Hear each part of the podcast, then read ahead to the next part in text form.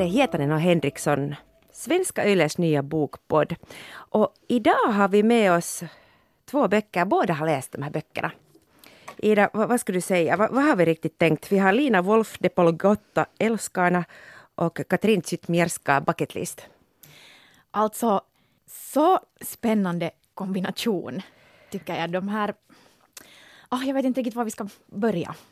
Jag tänker att vi med det här vill bevisa att vi faktiskt läser allt. Ja, för att, för att de här två böckerna är så olika som två böcker bara kan bli. Från liksom spektrets absoluta eh, extrempunkter. Ja, jag tänker det att det är lite så här att, att i ena handen har du en grävling som parar sig med en röd högklackad sko och i den andra handen har du en tom yoghurtsburk. Och de här två lyfter vi fram samtidigt. De är ju omöjliga att jämföra. Det, det är väldigt galet. Ska vi börja med grävlingen? Vi tar, ja, absolut. Du tyckte, du förstod min metafor. No, jag förstod den, där, den här tomma yoghurtburken, för det var verkligen... Lina Wolf de Poligotta älskar oerhört omtalad bok och har fått uh, massor med pris. Uh, störst förstås Augustpriset. Vad är det vi har i handen? Det här är en helt sjuk bok. Vad handlar den ens om? Jag har inte riktigt kunnat sova när jag försökt tänka att hur skulle man på ett nätt sätt kunna beskriva handlingen? Och det går ju, det går inte! Alla personer är helt sjuka i huvudet. Det är väldigt svårt att förutsäga vad de kommer att göra till näst. Alltså vanligtvis så brukar det här, en romankaraktär ändå följa någon viss linje, en dramaturgisk båge. Man vet att Eh, den, man träffar den i början, sen råkar det ut för en utmaning.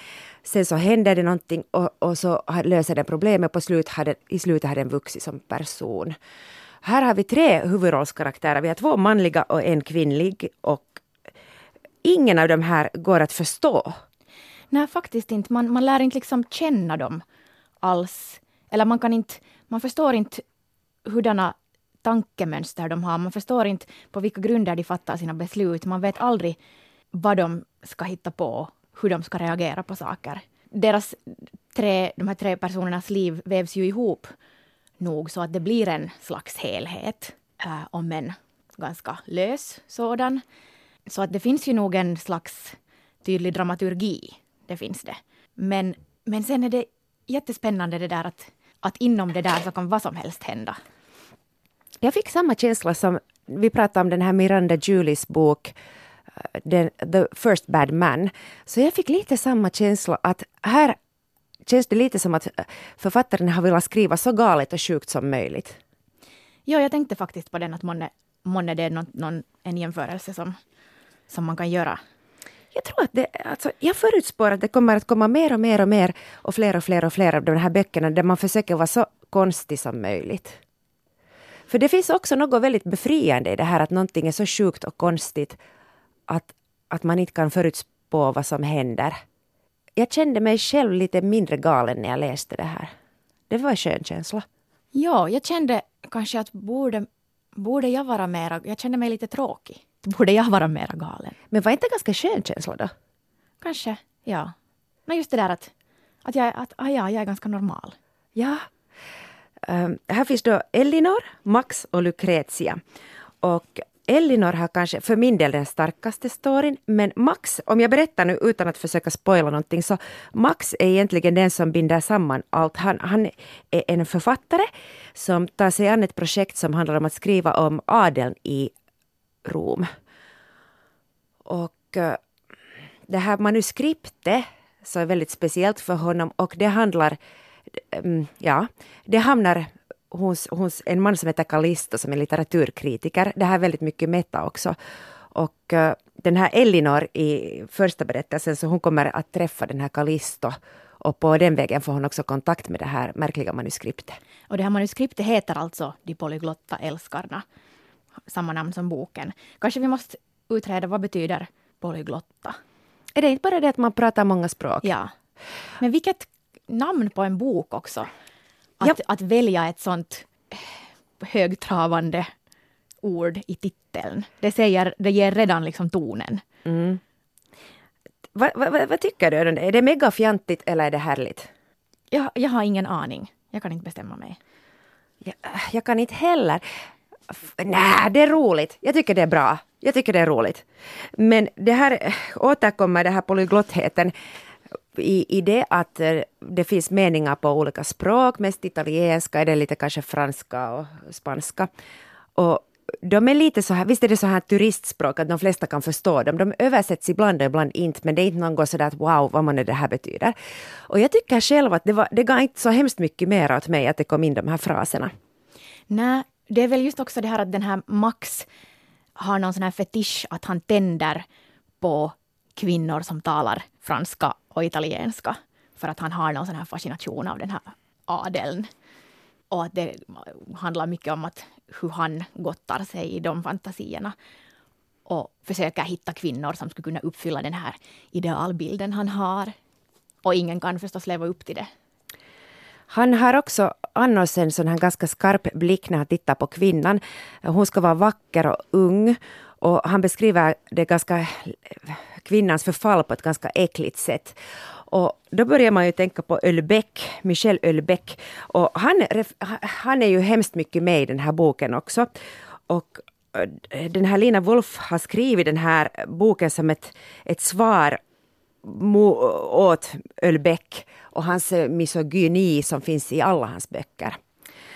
Eh, vill du förresten fråga varför jag kom för sent idag till, till bandningen? Jag kom en minut för sent och jag, jag kommer aldrig för sent, jag är oftast en halvtimme för tidigt. Nå, no, vad var det som hände? Jag började läsa Michel Ölbecks plattform och så missade jag mitt spårvagnsbyte och jag åkte ända till Munksnäs, alltså det är väldigt långt borta från där jag borde vara, alltså i Böle i Helsingfors. Och det är nog ett tecken på ett mycket, mycket, mycket fascinerande att man är fast i någonting ganska hårt om man glömmer att stiga av sin spårvagn. Och helt kort om Ölbeck. En fransk megastjärna han är väldigt, väldigt stor, har fått väldigt mycket ansedda och fina pris i, i Frankrike och översatts överallt. Och han kom 1998 med en bok som hette Elementärpartiklarna. Den kom på franska då, sen kom det år 2000 på uh, svenska. Och jag minns att alla pratade om det här. Man kunde inte ens gå till kiosken utan att alla pratade om den här boken för att uh, den, var, den var så elak, den var så cynisk, den var så fylld av hat. Men den var också en stycke idéhistoria, där var filosofi, där var psykologi och den var, den var jättekittlande och jätteunderbar och, och debatten handlar om att får man skriva så här? Och att är han ett svin? Är han äh, en misogyn typ själv eller visar han på missförhållanden i samhället med sitt verk? Är han sitt verk eller visar han bara upp det? Mm, och vad är din tolkning? Alltså han ger väldigt obehagligt intryck. Jag har sett en eh, intervju med honom där han kommer in försenad, lite i fyllan. Han kommer ofta i fyllan eller dyker inte upp alls. Och så stirrar han bara ut den där journalisten. Han är tyst väldigt länge och tittar bara med så här ondelak blick på journalisten. Och sen om man skriver så här mycket, han skriver också eh, den här plattform som jag läste nu på spåren handlar om sexturism i Thailand. Och han framställer det som ett möjligt alternativ, att, att, man, att, att hur man skulle få det att funka på ett bra sätt, det här sexturismen. Och det är ju nog lite obehagligt. Alltså, nu är det ju en medveten provokation av honom, att han vill provocera med hela sitt författarskap och, och, och hurdan, hur han beter sig själv. Uh, jag vet inte, uh, jag har på något sätt medvetet, jag har ju läst mycket om Ölbeck, men jag har medvetet valt att inte läsa honom. För att jag märker att jag blir provocerad och det stör mig lite. För att jag vet att det är just det han vill. Men, men på något sätt det där att, att alla pratar om honom och, och tvingas förhålla sig till honom och en sån här medelålders gubbe och hans livskris och, eller, eller den manliga livskrisen som han beskriver. Äh, begär, gentemot yngre kvinnor. Um, det, det, blir en sån här självupptagenhet som, som jag ryggar liksom emot. Jag, jag får riktigt, riktigt obehag. Kanske jag just därför borde läsa honom. Men, men jag, alltså det här är ett faktiskt problem för mig att jag orkar för tillfället inte läsa gubblitteratur.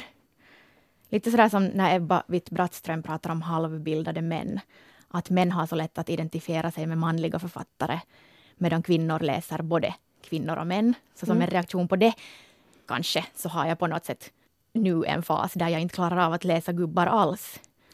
Vad tycker du om det att, att Lina Wulf med den här boken egentligen lyfter upp Ölbeck? Hon skulle kunna lika bra strunta i honom men han är så närvarande i den här boken att, att man kan inte förbise Ölbeck överhuvudtaget. No, jag läser kanske hellre för tillfället hennes tolkning av Ölbeck. Mm. Och jag tycker där finns mycket intressant. Den där studien av maskuliniteten och, och hur, den kan, hur den konstrueras eller dekonstrueras. Uh, men sen vet jag ju inte, nu känner jag mig ju lite uh, stympad när jag inte nu vet vad som är Ölbeck och vad som är Lina Wolf. Så, kanske jag ändå måste ge upp och lite studera Ölbeck också. Grejen är ju den att, att, eh, när man läser den här boken så nu är det ju en inkörsport till Ölbeck. Nu är det ju det, absolut. Elinor, så hon läser ju Ölbeck, alla hans böcker och pratar hemskt mycket om Ölbeck. Och jag ska bara säga en sån här sak, det här kanske gör dig glad.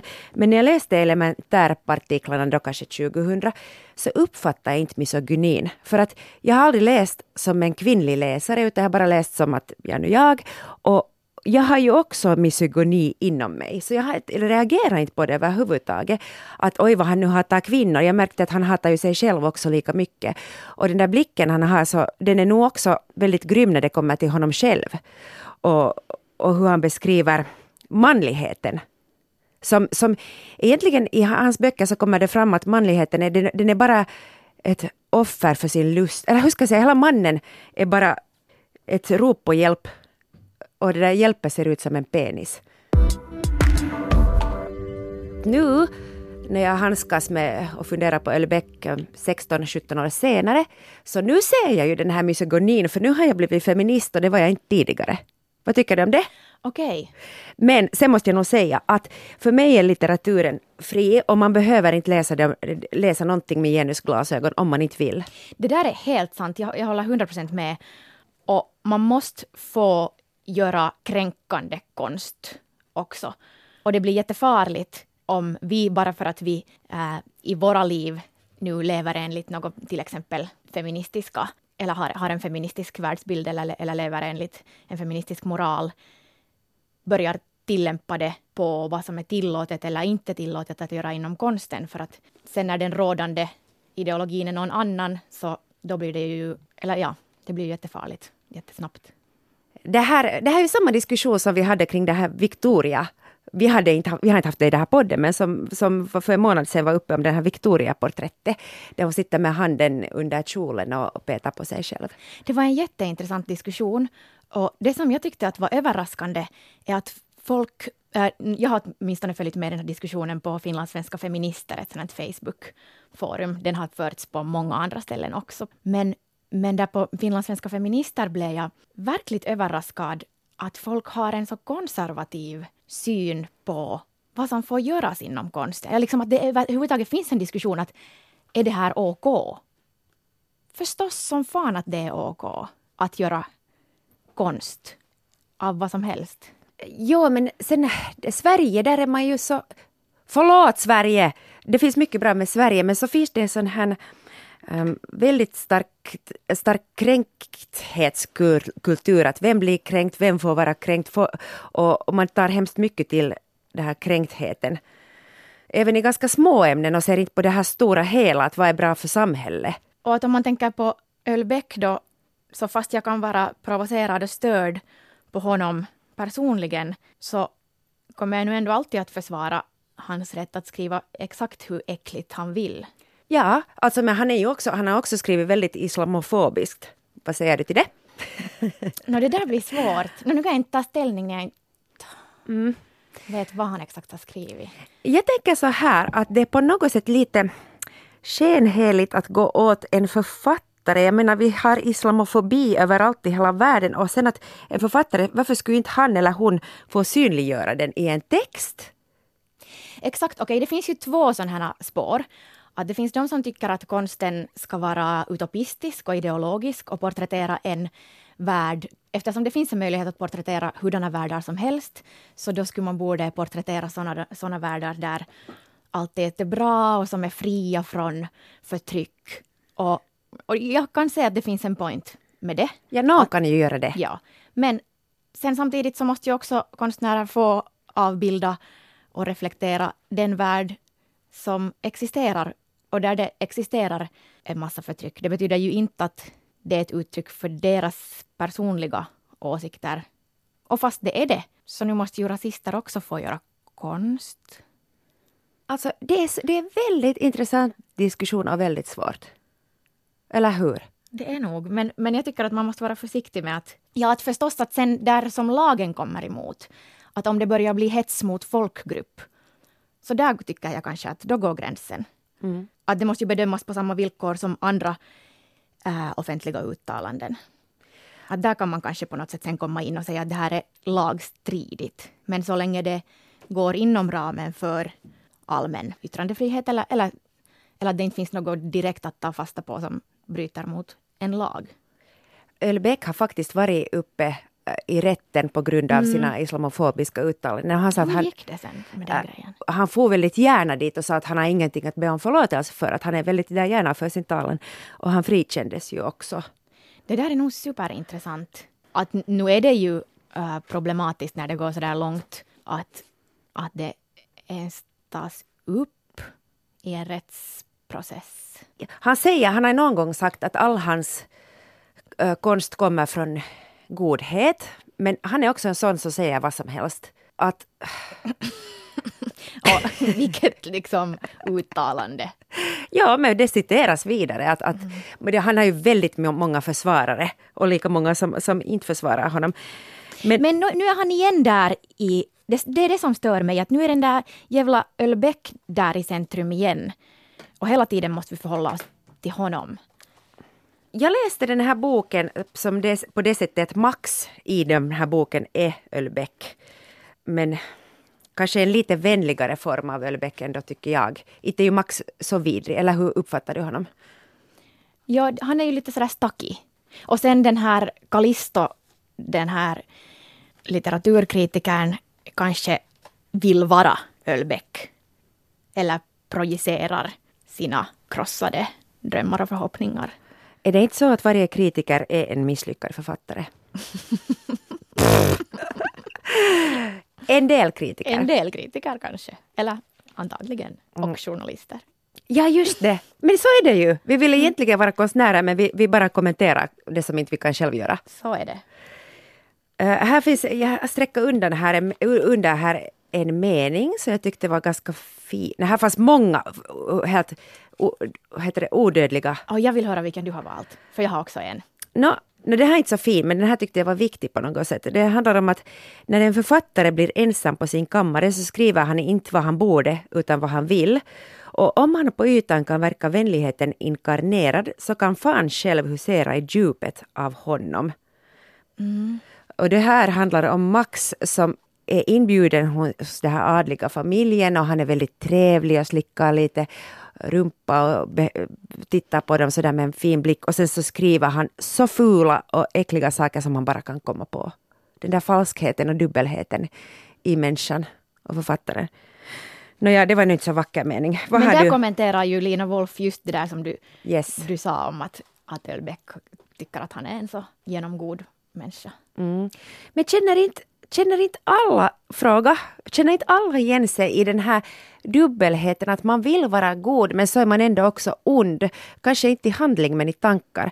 Jag, kan, jag, jag minns när jag var liten, kanske åtta nio år och insåg att jag har så fula tankar att om någon skulle komma in i mitt huvud och titta på de här fula tankarna så skulle alla avsky mig.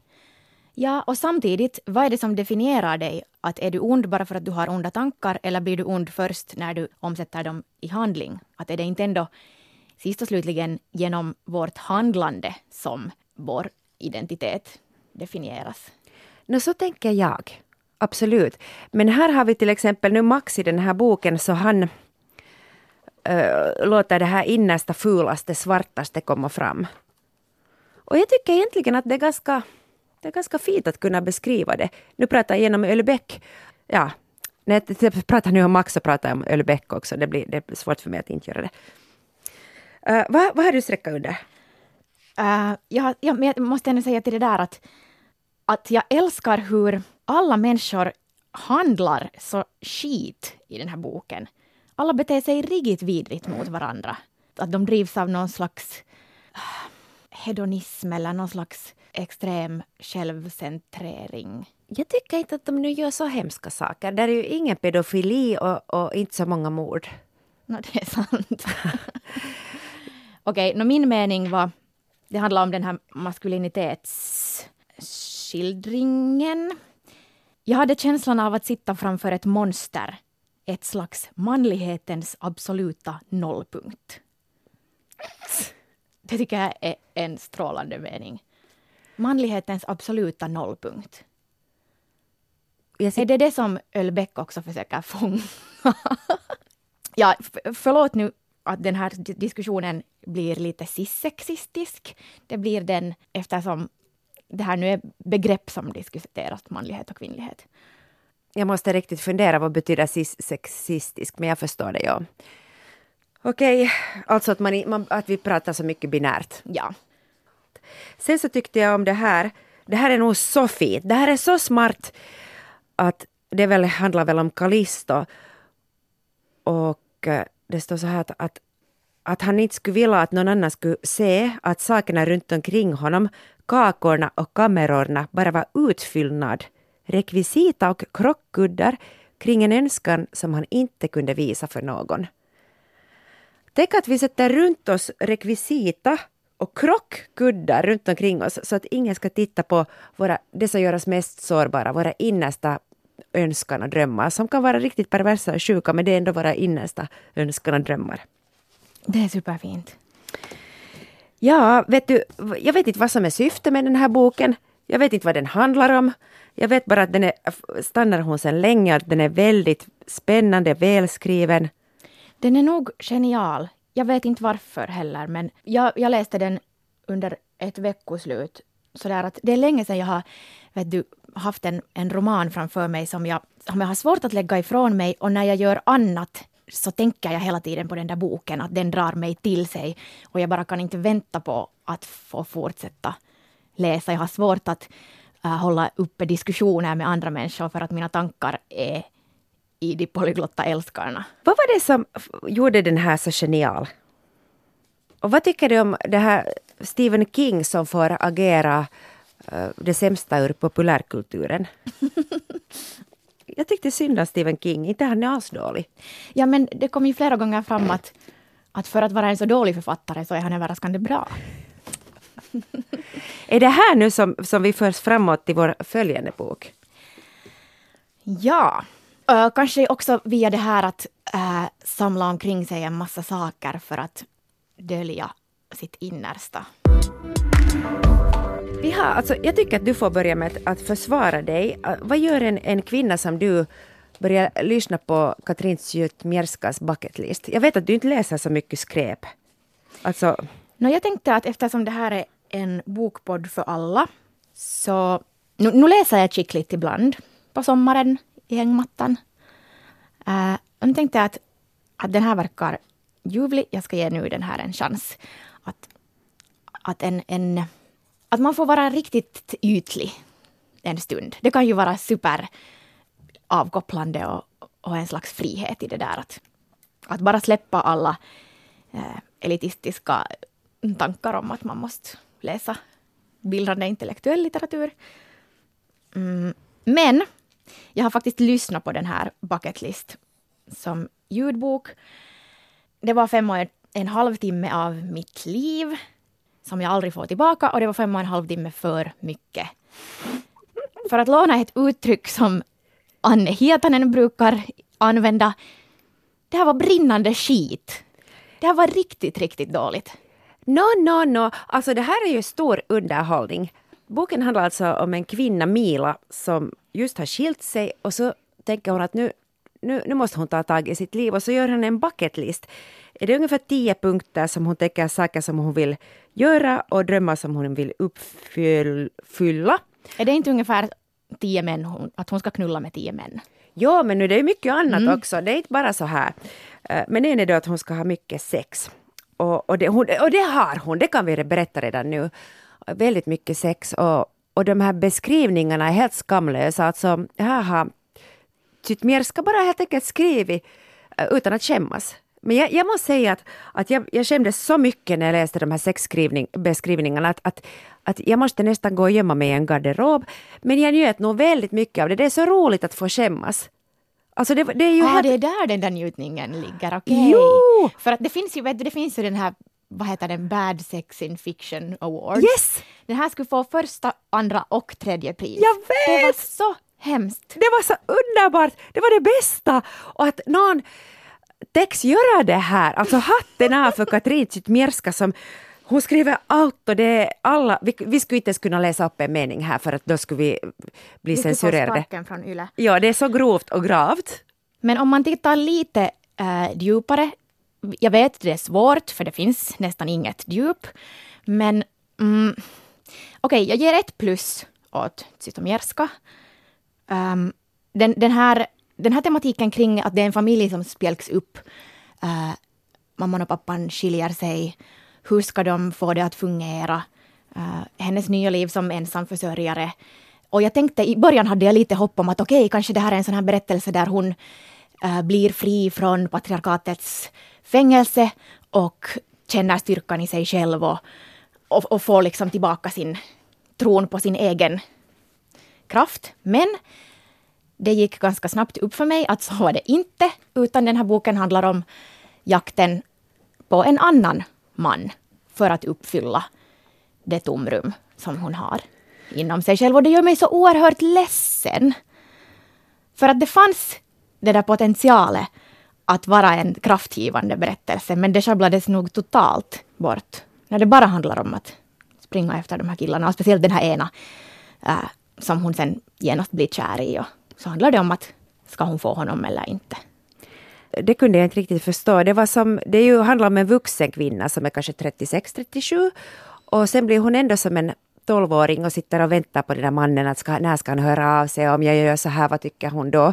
Att, och då tappar hon helt folk, liksom sitt eget, hur ska jag säga, det finns ingen integritet plötsligt, att hon blir bara ett ob objekt i, mannen, äh, i, i mannens liv, i mannens blick. Och det kan man ju vara. Uh, jag känner nog igen mig i det där. Och, och jag har också varit där tusen gånger. jag har aldrig varit där. Så skönt. Eller så är jag bara sinnessjuk. Nej, jag ska bli mer som du. Och jag hoppades att den här Mila också skulle bli mer som du. Men, men och det är ju okej att beskriva det där. Men när hon inte alls reflekterar kring det. Att det, det bara är som en självklarhet. Jag måste nu spoila slutet. Förlåt Jag tror, för jag tror inte att det gör För att jag någonting. tycker inte att det här är värt att läsa. Så det, den slutar med att, att eh, hon stiger på ett flygplan med sina två barn och de har inte råd att flyga i business class. Och hon säger att det här är bland det svåraste jag någonsin har gått igenom. Att hon måste vara med en liten skrikande bebis i, i alltså turistklassen. Och sen har då den här ljuvliga nya mannen då som hon är förälskad i eh, i hemlighet uppgraderar dem till business class. Och då vet hon att det här är den riktiga kärleken. Honom ska jag gifta mig med. Uh, och sen slutar boken med Nu är jag vuxen. Mm. Mm. Och så, liksom det absurda i det där. Är det någon slags så avancerad ironi att jag inte fattar det? det skulle vara härligt, men nej det är det ju inte. Jag måste berätta att jag har läst det här Katrins blogg, Alltid. Har du läst den? Ibland. Mm. Och hon är ju mycket fascinerande. Hon är, skriver väldigt äh, elakt, provocerande. Men samtidigt så måste jag beundra hennes... Eh, hon har skinn på näsan helt enkelt på ett sätt som jag aldrig någonsin haft och vet inte hur man skulle få... Hon är Leif... Eller nej, Leif är ju snällare säkert, men hon är, en, hon är inte en typisk sån här kvinna, tyck om mig, tyck om mig, utan hon riktigt gottar och växer av hat och polemik. Och, och det är väldigt intressant att titta på det, att hon är inte... Hennes bloggpersona är inte den här tyck om mig. Men, men tycker du att det är okej att hon gör det på bekostnad av andra kvinnor? Hon håller till exempel jättemycket på med sån här fat-shaming. Mm. eh, för att hon är någon slags eh, hälsohetsperson och smalhetshets. Eh, och hon har gjort en karriär av det där också. Att, att hon, hon pratar ju ganska mycket skit om andra kvinnor. Jag tycker nog att fatshaming är alltid bra. Nej, det, det, jag tycker inte att det är trevligt. Hon har varit gift med Alex Schulman som ju uh, hade en liknande bloggpersona då i början. Men nu har han ju förändrats och blivit mycket mer vänlig och dessutom skrivit mycket fina skönlitterära böcker. Just det, och sen var hon också gift med Bingo Rimér som hon har två barn med. Och som jag tolkar att den här boken handlar om deras skilsmässa. Ja. Och, och det där är också så fascinerande att hur hon helt skamlöst skriver ändå självbiografiskt och bara beskriver hur vacker hon själv är och hur perfekta bröst hon har. Och jag, har, jag kan nog ha en hemlig fascination av det där liksom skam... Eller jag, jag kan förstå varifrån det kommer att man vill bygga en sån där värld kring sig själv och, och omge sig av fina designerprylar. Jag älskar och fascinerades av den här diskrepansen mellan hur hon uppfattar sig själv som världens snällaste, ljuvligaste person, i den här boken alltså, och sen hennes handlingar som är jätteelaka och egoistiska. Och, och jag tycker om den här, den här bristen på självinsikt kommer ju fram jättebra i den här boken. Det, det, är mycket, mycket spännande. Jag läste det här på någon flygplansresa och det, jag var så underhållen av det. Jag var liksom nästan skrek av underhållning för att det var så roligt. Och sen är det ju så här, alltså det här är, som vi sa i början, det går inte att jämföra polyglotta älskarna med Zytmierska. Den ena är en bok och den andra är något som inte är en bok. Men det är ju som att när du går på en fin, fin restaurang så, så då tar vi det här polyglotta, det är en fin, fin restaurang, så då, då går du in i alla detaljer och njuter och så kan du också börja ifrågasätta små saker för det är som Eh, det finns utrymme för det. Grunden är så stabil, det är liksom hantverket är så perfekt, kockarna vet vad de gör. Och då kan du också bli extra kritisk till, till den där tredje mellanrätten som du inte riktigt kanske förstod dig på. Och, det är en njutning i det här att gå in i alla detaljer. Sen så går du då till den billigaste av den billigaste hamburgarkedjan och så bara floffar du i dig. Och inte har du ju där och börjar analysera att, att vad tyckte du när normalet köttet, för du vet redan från början att det är fruktansvärt. Uh, och, och den här Zytmierska var ju den här hamburgaren. Mm, fast jag är inte kanske helt av samma åsikt för att, uh, att man inte skulle få kritisera skickligt för att det måste få vara en genre för sig och det måste få vara på något sätt. Eller att, att det skulle måste få vara skit. För att det känns att det är att nedvärdera kvinnor. Att man inte får kritisera de här verken som ändå är skapade av kvinnor som verkligen har satt tid och energi på att producera en hel bok.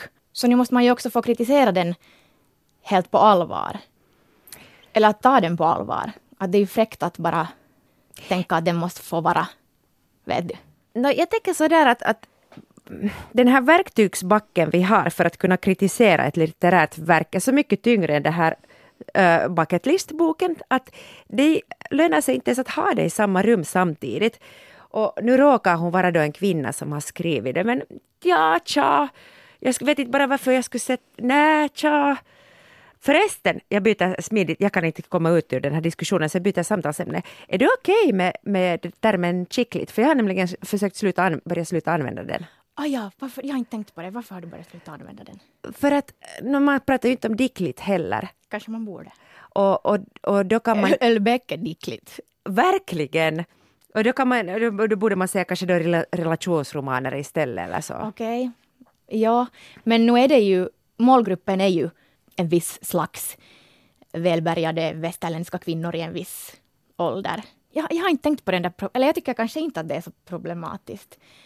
Sen, det som jag, min point nummer två äh, är att det, här, det är nedvärderande mot kvinnor att överhuvudtaget skriva så här dålig litteratur riktad till kvinnor. Mm. Tja, alltså jag måste bara säga att jag njuter, jag kan så njuta av saker som är så dåliga att det blir bra. Det förstår jag. Och, och det finns någonting... Tja, jag, jag, du kommer kanske då inte att läsa uppföljaren om det kommer någon. Jag, jag kommer nog att läsa den, vet du. Och det får du göra. Inte behöver man, skäm inte behöver man skämmas för det. Uh, alltså samtidigt är jag ju superunderhållen och här har vi nu diskuterat i 15 minuter om det här. Nå, finns det någon du skulle kunna tänka dig att ge den här boken åt? Jättemånga. Ah, som du hatar? Mina första film. Det, tänk, tänk hur roligt det skulle vara att någon mm, manlig professor skulle läsa en sån här bok och ta den riktigt på allvar och sätta sig in i det här. Att aha, och analysera den här livsstilen och kanske få en helt annan förståelse för världen. Mm. Men om man nu skulle vilja presentera eh, kvinnligheten för, för Marsmänniskorna, så inte skulle man ju kanske vilja presentera den just med den, den här Zytmierskas bok. No, så heter Zytmierska, jag säger fel. Ja, så inte skulle man ju vilja presentera den med den här bucketlist-boken. Men hon ger ju då ganska kanske en inte så trevlig bild av, av sig själv i den där boken, alltså den här huvudpersonen. Så är det då en motsvarighet till Ölbecks män? Ja, jag tänker kanske att där finns den där parallellen. Oh! Att, att det här är den, den självupptagna äh, kvinnlighetens absoluta nollpunkt. Där har vi! Där har vi Ölbecks manliga karaktärer kunde träffa Mila. Tyvärr är hon lite för gammal, hon borde ju vara kanske 20 år. Då skulle hon vara... Men hon har ju ändå opererat brösten så. Gudskelov. Då, då kan vi kanske para ihop de två. Yes! Nästa vecka! Vad ska vi prata om nästa vecka? Nästa vecka ska vi prata om Kakan. Aj jo, Kakan Hermansson. Huh. Vi har båda lyssnat på Kakan. Jag kan bara säga, jag kan säga så pass mycket att jag var livrädd när jag lyssnade på den boken. Alltså, jag, jag, jag, jag var så liten och så rädd när jag lyssnade på den att jag har aldrig varit med om något liknande tidigare. Kakan Hermansson, manshat och smink. Nästa vecka, i nästa avsnitt. Bland annat. Tack för att du har lyssnat på Hietanen och Henriksson. Vi blir jätteglada om du vill sprida vårt budskap och vår podd runt i världen. Eh, Kia Svetihin är producent och det här var alltså en svenska Yle-podd. Och den här utkommer alltid på måndag morgon. Nytt avsnitt varje vecka. Och vi vill också passa på att tacka Björn Karlsson som har tagit våra fantastiska nya bilder. Alltså, parentes, parentes. Till och med Ölbeck skulle ha gillat vår bild, så snygg är den. Framförallt Ölbeck skulle uh. bli upphetsad. Nej, det där klipper vi bort! Nej, jag vill ha det!